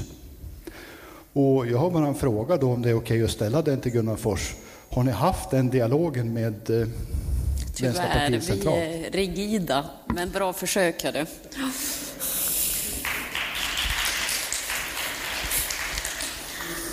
Under alliansregeringen genomförde vi en rad viktiga satsningar som minskade köerna inom hälso och, och sjukvården. Och eh, det måste vi tillbaka till. Vi vill införa en vårdplatsgaranti. Vi måste säkerställa att patienterna vårdas på en vårdplats som uppfyller kraven på fysisk utformning, utrustning och bemanning. Vi föreslår därför att regionen får en prestationsbaserad ersättning när de klarar målet om maximalt 90 procents beläggning i genomsnitt varje månad under året. Genom en prestationsbaserad ersättning kan varje region på ett ändamålsenligt sätt göra de förändringar som är nödvändiga och ersättningen betalas ut när målen nås. Regionen behöver därmed exempelvis se till sin personaltillgång, och se till att samverkan förbättras med kommunerna så att äldre får den vård de behöver utan att vänta i timmar på akuten. Flera mobila team som kan ge vård i hemmet är jättebra och nya varianter av korttidsplatser som avlastar. Tack så mycket. Nu Katarina tittar jag lite grann på dig och på klockan. Hur, eh, finns det någon fråga som vi ska ta upp eller hur ser det ut? Och jag ser lapparna kom, komma hela tiden. Jag tänker, ska vi ta någon lappfråga? Den här är riktad till Per Wahlberg. Vad är det som gjort att ambulansen åker flipp-flopp runt, e, runt, runt enligt dig Per? Är det otydligt vad vård, var vård ges? Vi har en situation idag där vi har stängt vårdplatser, bland annat på grund av att det inte finns tillgång till personal. Vi har ett antal vårdplatser som vi skulle behöva öppna. Och hade vi fast anställd personal skulle vi kunna det. Så den här mandatperioden, jag står fast vid att vi har skickat patienter runt, runt i länet mellan Sundsvall, Övik och Sollefteå fram och tillbaka. Patienter som inte skulle ha behövt göra det om vi hade haft en, ett ordnat införande av länsklinikerna.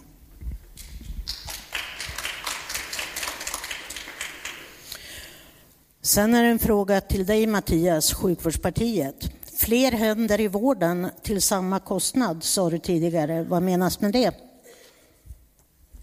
Jo, men det är väl ingen hemlighet att eh, hyrpersonal kostar mycket mer än den egna personalen. Så ersätter man helt enkelt hyrpersonal med egen personal så får man ju fler för de pengar man satsar.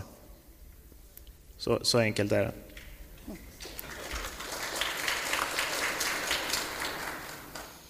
Ingeborg, Liberalerna. Du talar om att digitalisera för att äldre multisjuka inte ska behöva åka till vården. Hur tänker du att en gammal förvirrad person som du sa ska kunna hantera en datorplatta? Åh, tack för frågan, för det tänker jag inte alls. Utan jag tänker att det är hemsjukvården som kommer hem och hjälper den multisjuka äldre att få kontakt med sin läkare och prata med sin läkare hemma från sin sjuksäng och slippa den här långa transporten till vården som det kan innebära då att då ska man duscha och så ska man ha hemtjänst och färdtjänst och när man väl och vackert kommer då till vårdinrättningen då är man så trött och så förvirrad så man har svårt ens att tala om hur man mår och var man har ont någonstans. Men med hjälp, att, med hjälp av hemsjukvården och kunna få prata med sin doktor hemifrån precis då, då kan man få berätta hur man mår och då får man också en bättre prognos för, och kan hjälpa till på bättre sätt. Då tänkte jag att Glenn ska få en fråga eftersom du nästan sitter på dubbla stolar. Hur tänker man kring en framtida inflyttning till kommunen om det inte finns någon akutvård? Slog den där? Nej. Nej vi, har ju, vi har ju fått Eh, väldigt mycket eh, som, som kommunalråd. Då, då så eh, är det ju väldigt mycket uppvaktningar. Väldigt många, inte minst ifrån näringslivet, som, som tar upp den typen av frågor. Som tar upp den typen av frågor som handlar om service på en ort och en orts attraktivitet. Och en orts attraktivitet har ju naturligtvis betydelse för inflyttning och liknande. Så att det har naturligtvis betydelse att det finns så mycket service som möjligt när det gäller om när det gäller inflyttning. Det andra, och det har jag varit tydlig med som kommunalråd, att när det gäller patientsäkerhet och risker, det är en annan sak. Och det måste bedömas eh, av professionen inom regionen när man tar de politiska besluten där. Ja, men snart sitter du där kanske och tar politiska beslut i regionen. Det var det, det, var det en fråga, nej, var det, det var det jag till? menade, att det var eh, både akutsjukvård och hur kommunen ser på inflyttningen när om det inte finns akutsjukvård på eh, det ställe man har tänkt att flytta till. Ja, och då är jag också fullt medveten om att den majoritet som ska ta över nästa period också kommer säkert att ställas inför svåra beslut. Och det är ett ansvar som det, den, den kommande majoriteten måste ta. Eh, och det är säkert så att det kommer den typen av svåra beslut då också.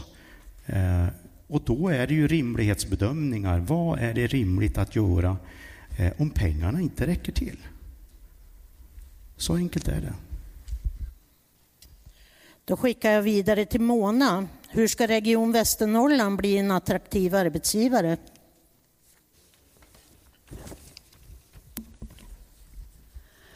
Ja, det här är jätteviktigt. Det är ju viktigt att man har en bra dialog mellan personal och tjänstemännen. Fler utbildningsplatser behövs. Och vi har pratat om arbetstidsscheman och andra arbetsvillkor behöver förbättras och det gäller ju även lönerna faktiskt. Så att sjukvården blir en attraktiv arbetsgivare, det är jätteviktigt om vi ska kunna behålla vår personal.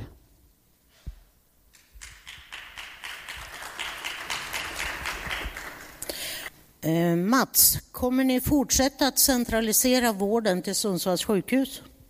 Det var ju också en intressant fråga. Det är ju så här att, att eh, Sundsvalls sjukhus är ju bara en del av vården i Västernorrland, hälso och sjukvården. Och eh, den vården, en del vård ska centraliseras. Det kan bli till, till Sundsvalls sjukhus, men det kan också bli till Örnsköldsviks sjukhus, eller det kan, kan bli till Sollefteå sjukhus. Till Sollefteå sjukhus har man ju faktiskt lagt en ortopedklinik, operationsklinik. Så att eh, det är väl snarare en verksamhetsfråga det. Sen så menar ju vi också att eh, den vård som centraliseras ska ju också e- ersättas utav primärvård. Eh, de resurser som man kan frigöra genom att centralisera eh, och omstrukturera, det ska ju också komma primärvården till godo. Så att vården kommer närmare eh, medborgarna. På socialdemokratiska sidan sa man från 3 till 33, nu får man säga från 3 till 34. Men det är ändå tanken att det ska decentraliseras och den vård som man behöver ofta, den ska finnas nära. Den vård som görs mycket sällan, den kan centraliseras och då spelar det egentligen inte så stor roll exakt var den ligger. Britta, vad är det första ni tänker göra kring, kring primärvården inom Miljöpartiet? Vi måste se till att få fast personal. Eh, vi måste besätta tjänsterna och då måste vi se till att bli en attraktiv eh, arbetsgivare och vi måste visa att vi har en organisation som håller ihop. Att, det här, att vi ser en framtid där vi har den här sammanhållna vårdkedjan, där patienten är i centrum. Eh, och då är jag övertygad om att vi får, vi får eh, medarbetare som vill jobba hos oss och vi blir tydliga i hur vi eh, vill jobba framöver. Gunnar Fors, hur ser ni på att öppna upp Sollefteå sjukhus med de akuta delar som nu är nedlagda? Jag hoppas att ni lyssnar på debatten på landsbygdsriksdagen här i helgen där vår partiledare var väldigt tydligt med att han sa sig ungefär så här, ett Vänsterpartiets viktigaste vallöfte är att öppna upp BB i Sollefteå. Och eh, det har inte han kommit på själv, utan det är ett beslut som vi har i vårt parti, i vårt distrikt, att, att vi anser att den akuta vården behövs i Sollefteå. Vi pratar om en orts attraktivitet och då handlar det ju också om hela inlandets möjligheter att utvecklas och då behövs eh, den akuta sjukvården i Sollefteå. Men det behövs naturligtvis också för de som redan bor där. Alltså vi måste utgå från behoven. Och det här med att vilken vård ska vi ha nära? Ja, framförallt ska vi ha nära till det som det är bråttom att komma till.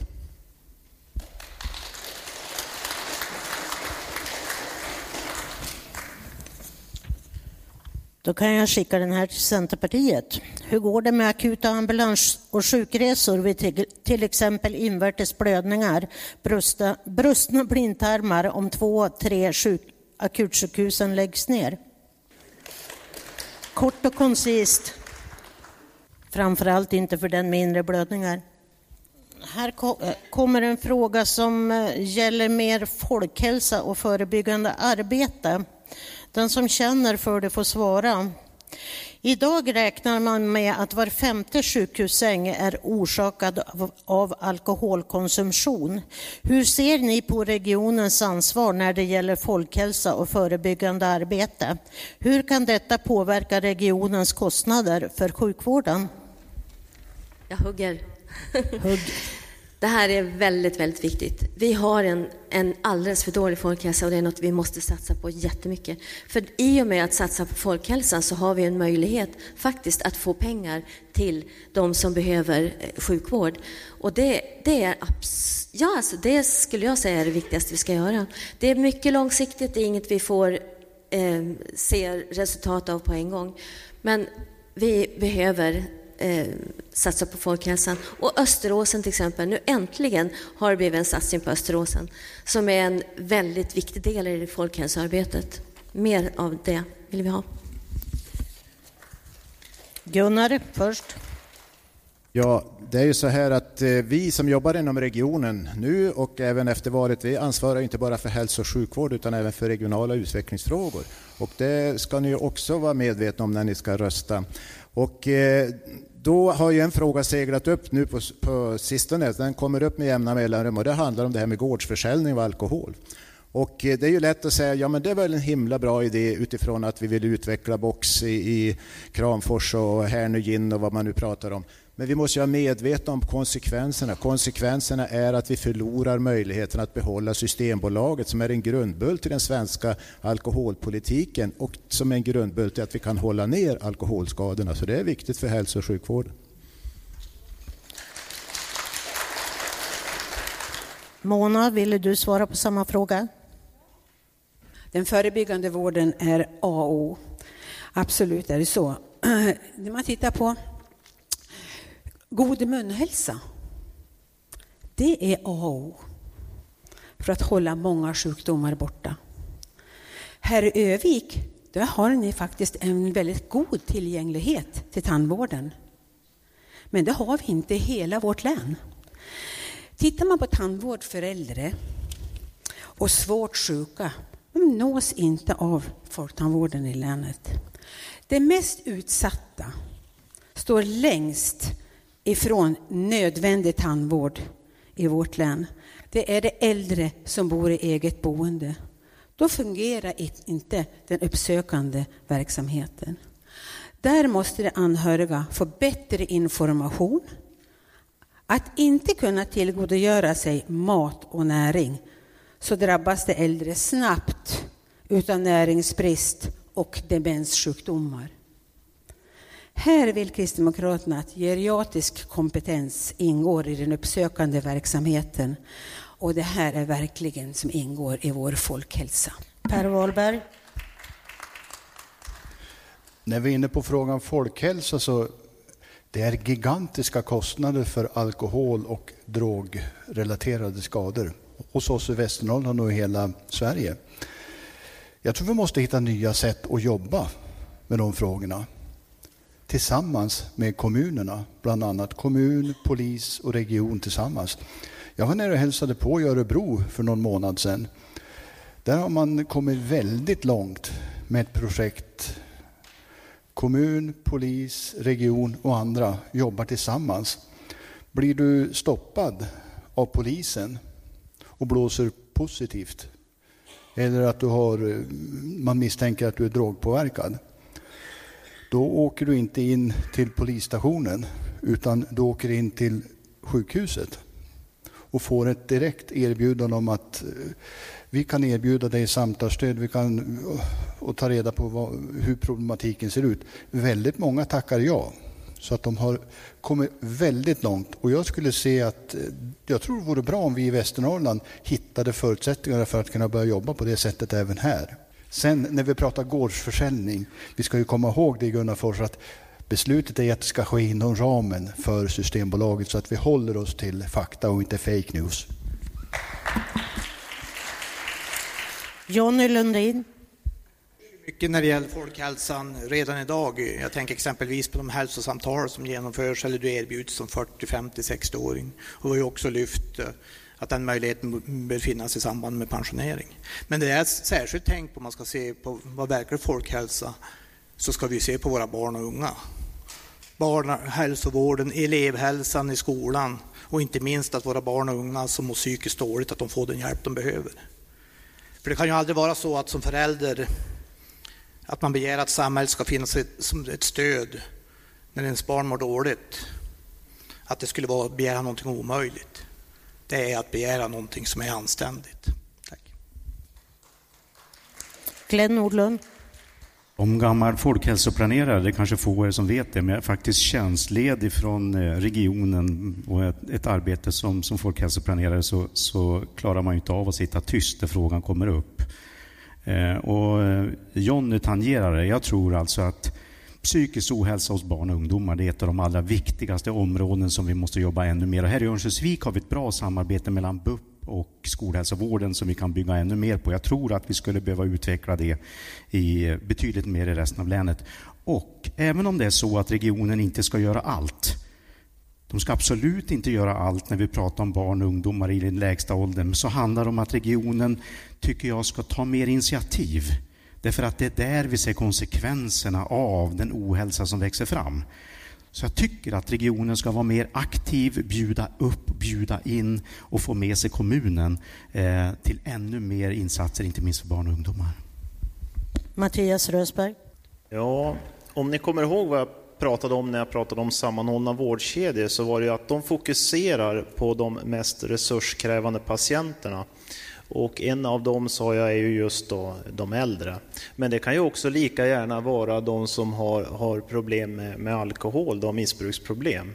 Eh, det är ju liksom lite grann så, jag sitter här och lyssnar och känner att ja, men det här är ju liksom politiska ambitioner. För att det ska bli lite verkstad måste man liksom ha en organisation som jobbar mot det här målet.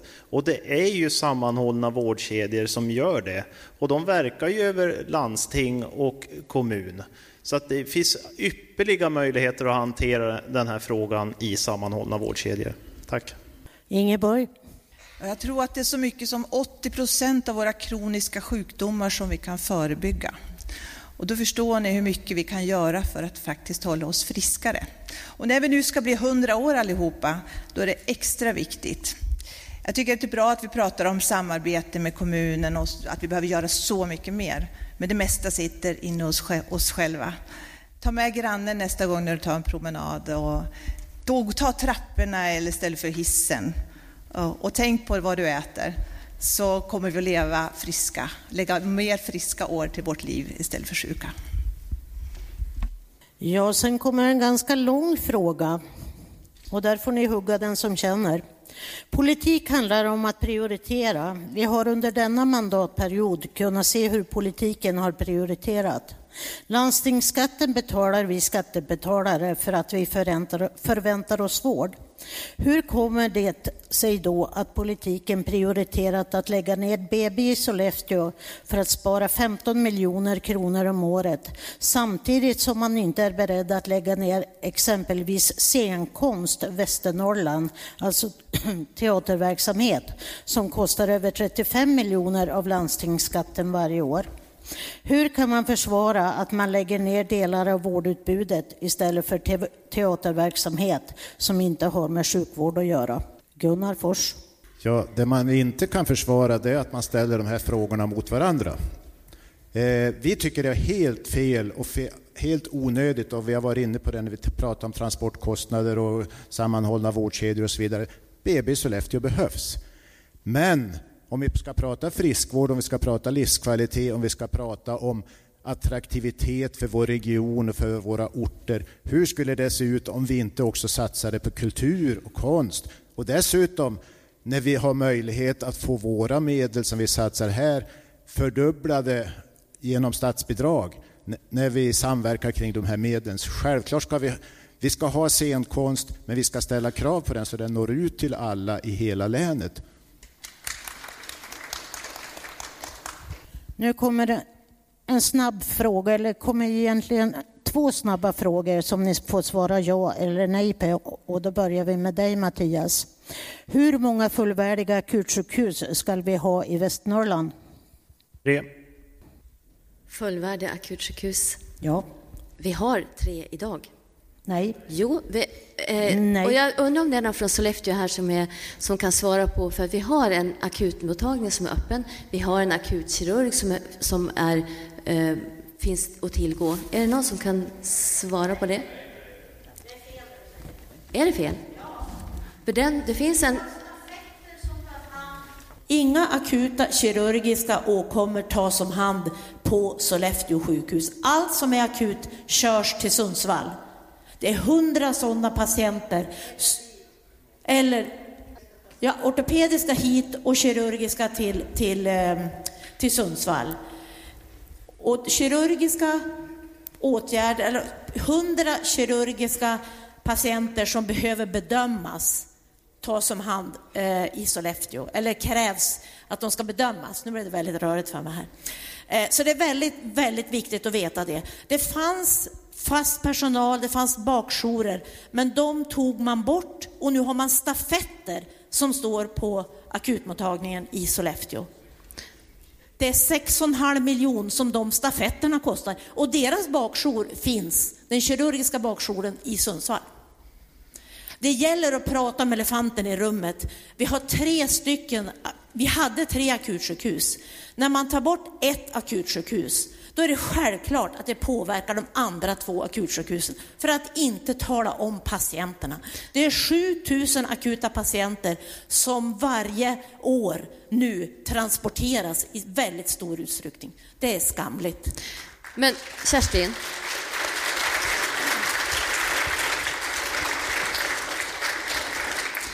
Jag var och pratade med hon som är Frida Lassen som är chef på akuten. Hon sa att de kan ta emot väldigt många patienter, men de får inte nyttja den kirurgiska bakjour som finns på huset i Sollefteå. Nej, men nu har jag förstått det som att man får det. Man har ändrat det. Men det, så är det inte. Nej, jag hade en förhoppning om det, för det är den absolut mest logiska lösningen. För det gör, vi ska se till att befolkningen känner trygghet och det, vi ska ha ett akut omhändertagande i Sollefteå. Och i och med det så ska vi ha tre akuta sjukhus. Ingeborg? Ja eller nej på frågan? Ja, det gör ju inte, jag säger inte ja, nej, inte hon gjorde. Nej, men det, vi ska ha som vi har idag fast. Jag hoppas på en entreprenadlösning i Sollefteå och att vi därmed kan utveckla den verksamheten. Glenn? Det var inte tänkt, jo nu. Eh, den formulering som vi har i vårt distriktsprogram det är att vi ska ha tre eh, dygnet runt öppna akutmottagningar och det är ju då inte att göra någon förändring utifrån det som är nu. Det finns då inte ett stöd för att gå in och riva upp något beslut. Jonny? Ja, det är ju knep, en knepig fråga att svara ja och nej på. Jag tror att svaret ska vara tre. Mats? Ja, det går ju semantik i det här. Vad är ett fullvärdigt akutsjukhus för någonting? Vad är ett akutsjukhus? Det går ju inte att definiera riktigt. Jag tror inte det är någon här inne som kan ge definitionen på ett fullvärdigt akutsjukhus. Är, är Sundsvall ett fullvärdigt akutsjukhus? Ja, Örnsköldsvik är det än så länge, men Sollefteå är det inte eftersom man har tagit bort de akuta delarna, ortopedi, kirurgi, för, kvinnosjukvård och förlossning. Ja. Då är man inte ett akutsjukhus. Som, för det fungerar inte nattetid. Du kan inte operera. Du kan inte ta hand om de patienterna på rätt sätt som ett fullvärdigt akutsjukhus kan göra.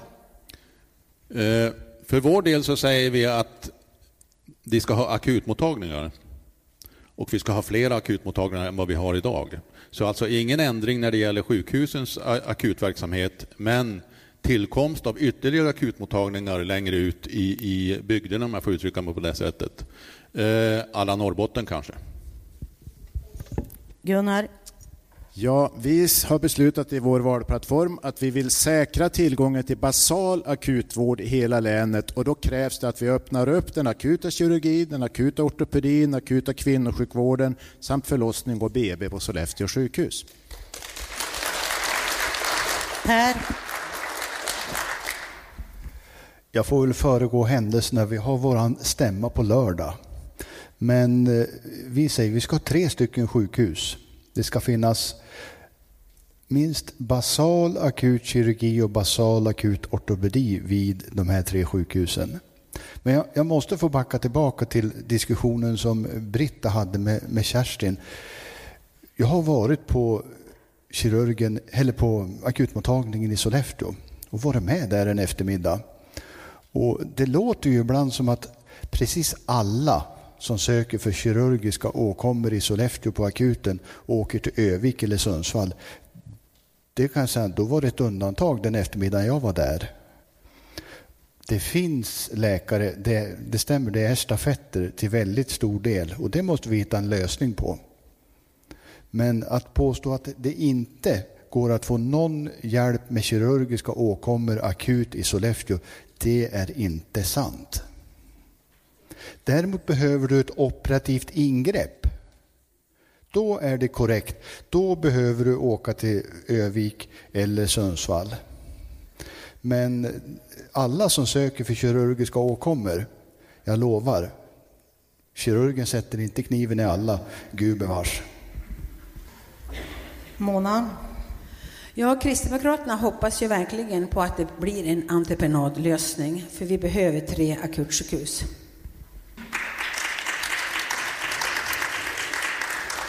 Då tänkte vi avrunda och så ger vi er politiker en minut att tala om för oss som sitter här vad ni vill här i höst. Prata fritt. Ja, tack. Innan jag ger mig på det här så ska jag faktiskt säga, vet ni hur illa ställt det egentligen är i Västernorrland? De undersökningar som har, gjorts här, de visar ju att när det kommer till vårdgarantin, att få träffa en specialist inom 90 dagar, då är Västernorrland sist. Vårdgarantin, att sen få en behandling eller en åtgärd, då är vi, näst, ja, då är vi en, tredje sist, men i en avhängd trio. Eh, vi har dessutom svarat här att när det kommer till tillgänglighet av den hälso och sjukvård man behöver, då är Västernorrland näst sist. Och när det kommer till förtroende för sjukvården i sin helhet, då är vi solklart sist. Och så här fortsätter det. Stort förtroende för sjukhusen i länet, solklart sist av 21 regioner och landsting alltså. Stort förtroende för vård och hälsocentral, sist. Rimlig väntetid till sjukhus, delad sista plats. Förtroende för att vård ges på lika villkor, solklart sist. Positiv till koncentration av behandling om positiv till koncentration av behandling om kvaliteten blir högre. Den är ny för 2017. Solklart sist. Vi vill inte ha centraliserad vård för vi har märkt vad det är. Alltså här, vi, vi, vi, kan inte fortsätta på det spår vi är. Vi måste göra en, en ordentlig förändring av, av Region Västernorrland. Vi måste införa de här äh, sammanhållna vårdkedjorna och komma upp på plan igen. Kan, det kan inte fortsätta så här. Och Sjukvårdspartiet, vi kommer driva det stenhårt. Det är sammanhållen vårdkedja som gäller. Tack.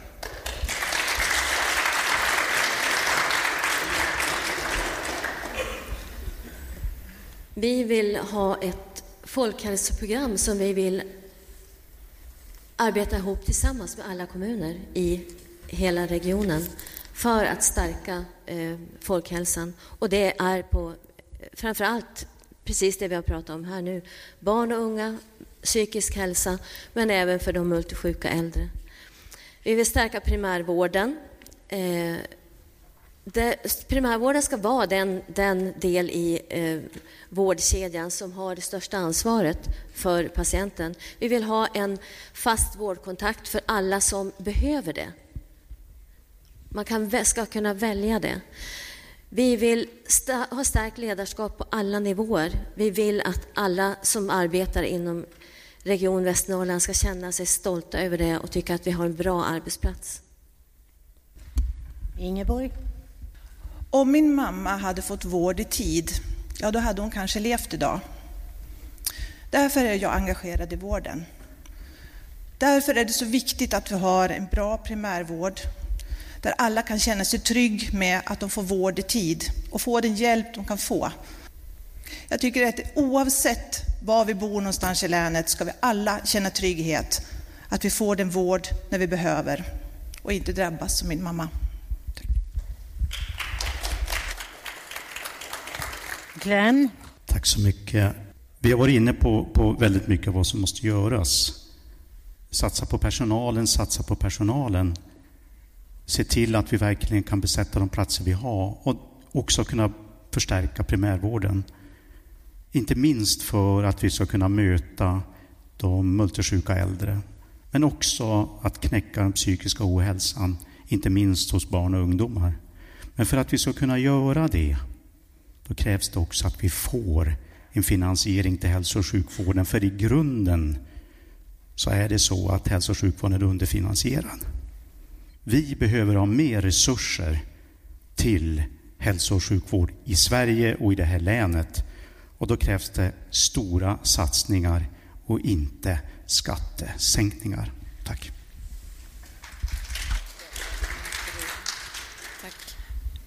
Det behövs ett nytt ledarskap i Region Västernorrland framåt. Och egentligen så handlar det i praktiken om ett eh, konkret politiskt arbete i vardagen. Inom Centerpartiet så brukar vi prata om en närodlad politik. Det som är viktigast det är ju att återupprätta förtroendet hos befolkningen. Det handlar om att lösa kompetensförsörjning och få ordning på ekonomin och inte minst att säkerställa en närmare vård i hela länet. Det sker ju en fantastisk verksamhet varje dag, varje timme, varje minut inom hälso och sjukvården i vårt län. Och det sker en otrolig utveckling varje dag och vart hälso och sjukvården befinner sig imorgon, det är svårt att veta. Så låt mig bara därför, för att sätta lite eftertanke, men ändå lite framåtblick, få läsa några rader av Ådalsskalden Birger Norman. Hans dikt Hälsovården. Rismorningarna ätteskicket från Käringa till pastor Hägglöf. Jorddragningar i grubba på kolbacken. Köpningar. Kolplåster på groblana. Stålkammen mot hårlusa. Strumpstickern och pet ut örkåda. Värmspiken till håljäckeln. Lasarolen och slåns. Brama taffelbittel och riga balsam. Sång av vatten och nervdroppa. Och Storvallin som massage och Hillrefolke under hålfoten. Tack för inbjudan. Tack så mycket. Ja, det kan du Jonny. Eh, ni som har lyssnat nu på oss allihop här, ni har hört oss allihopa säga samma ord. Gång på gång, gång på gång. Varje problem, varje fråga som har kommit upp här, så pratar vi om samma sak. Det brister i samverkan och samordning. Vi samverkar inte, vi samordnar inte våra resurser. Utan man sitter på sitt och gör på sitt sätt. Det måste bli bättre. Det måste bli mycket bättre. Ni som inte har läst den här utvärderingen, som är 134 sidor tjock, om specialistvården i eh, Region Västernorrland. Gör det. Räkna hur många gånger ordet samverkan förekommer. Hur många gånger förekommer ordet samordning och hur många gånger hittar ni ordet samarbete? På varenda sida. Sida upp, sida ner, samma problem. Vi kan inte samverka. Vi samordnar inte våra resurser. Det måste vi bli bättre på. Samverkan och samordning, det är den stora genomgripande frågan som Region Västernorrland har att lösa. Och den vill vi lösa. Sen kan jag säga bara avslutningsvis, det efterlystes här någon slags genomlysning av administrationen. Det har vi precis lagt en motion om. Tack så mycket. Tack. Eh, för några år sedan, hösten 2015, då pratades det mycket om nystart inom landstinget Västernorrland. Nu har vi möjlighet att eh, hösten 2018 få till stånd denna nödvändiga nystart. Och det handlar om att vi måste återställa förtroendet för vår vård i länet, både hos befolkningen och hos personalen. Den personal vi har och som vi vill ha kvar och den personal vi vill rekrytera. Och vi i Vänsterpartiet är beredda att aktivt delta i detta tillsammans med andra partier. Eh, vi har tagit ett val, en valplattform som innehåller ett antal punkter. De viktigaste är det här. Ta tillvara personalens kompetens, inför lokala sjukhusledningar och avveckla länsklinikerna. Gör en kraftfull satsning på personalens villkor och arbetsmiljö och därigenom bryt stafettberoendet. Och när vi pratade om det här tidigare så man hinner inte säga allting. En viktig punkt som inte minst Lars Roxén här har lärt mig, det är att vi måste utbilda våra egna specialister här i länet. Och det har vi inte gjort och det måste vi göra. Och därför så måste vi satsa både på läkarsidan men också inom de andra yrkesområdena. Och det är beklagligt att vi inte har fått till stånd fler eh, AST-tjänster för specialistsjuksköterskor, där man kan kombinera jobb och utbildning. Vi inom Vänsterpartiet vill ju också driva nödvändiga försök med sex timmars arbetsdag för att öka attraktiviteten. Eh, jag nämnde tidigare det här med säkra tillgången till basal akutvård i hela länet med tre fullvärdiga akutsjukhus. vi måste införa sammanhållna vårdområden. Jag tror det är det Mattias menar när han pratar om sammanhållna vårdkedjor. Det vill säga organisationer, offentligt drivna organisationer där kommunens vård och landstingets vård, primärvård, specialistvård ingår. Och därmed kan vi också stärka primärvården inom Tack, ramen Gunnar. för detta. Ja, jag vet att, eh, att jag pratar länge, men jag konstaterade att det var någon som pratade väldigt länge här tidigare också. Eh, och ska man kunna göra det här, då, då, krävs det att ni röstar på oss, inte bara regionvalet, landstingsvalet, utan även kommunvalet. För att det, kommunerna äger ju denna fråga lika mycket. Och på samma sätt är det här med resurser, som Glenn var inne på. Vården måste tillföras resurser, framförallt via beslut i riksdagen. Så det, ni har ett val där också ni kan tänka på. Tack så mycket. Tack så mycket. Vi lovar inte allt åt alla, men det vi lovar, det tänker vi hålla. Och en sak som vi lovar, det handlar om att prioritera personalen. För gör vi det, då löser vi väldigt, väldigt många utav de andra problemen vi har med vårdköer, inhyrd personal, missnöjd personal med mera. Och det är ju lätt att stå här och rabbla upp en massa floskler om samverkan, samarbete, vi måste bli effektivare. Men hur då? Jag tror att väldigt många undrar, hur ska vi uppnå det? Jag tror att det handlar väldigt mycket om det lokala verksamhetsnära ledarskapet. Att vi ger våra chefer och ledare mandat och bemyndigande att lösa problemen som finns inom vården så nära vården som möjligt. De kan vi inte lösa i styrelse eller fullmäktigerummet. Lyckas vi med det, då har vi löst väldigt mycket och jag tror att det räcker med ett sådant löfte här ikväll. Jag skulle kunna stå och rabbla upp en hel del, men vi måste prioritera. Och för vårt vidkommande handlar det om att prioritera personalen, se till att vi blir en bra och attraktiv arbetsgivare så att vi återigen faktiskt kan komma upp där, där vi hör hemma. Bland de tre bästa regionerna när det gäller hälso och sjukvård i Sverige. Tack så mycket.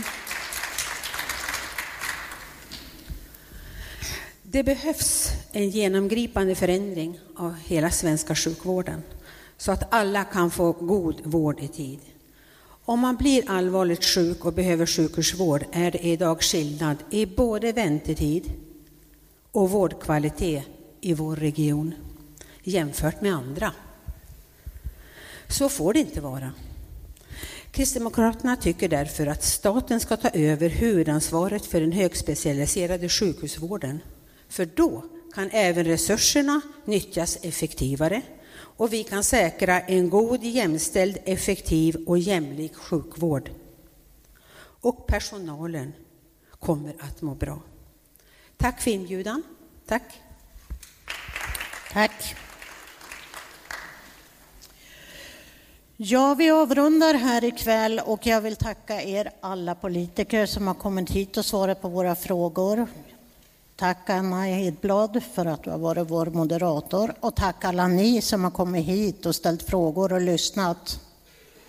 Vi ses snart igen, antar jag, i samma lokal när vi tar upp någonting annat. Väl mött. Ha en bra kväll.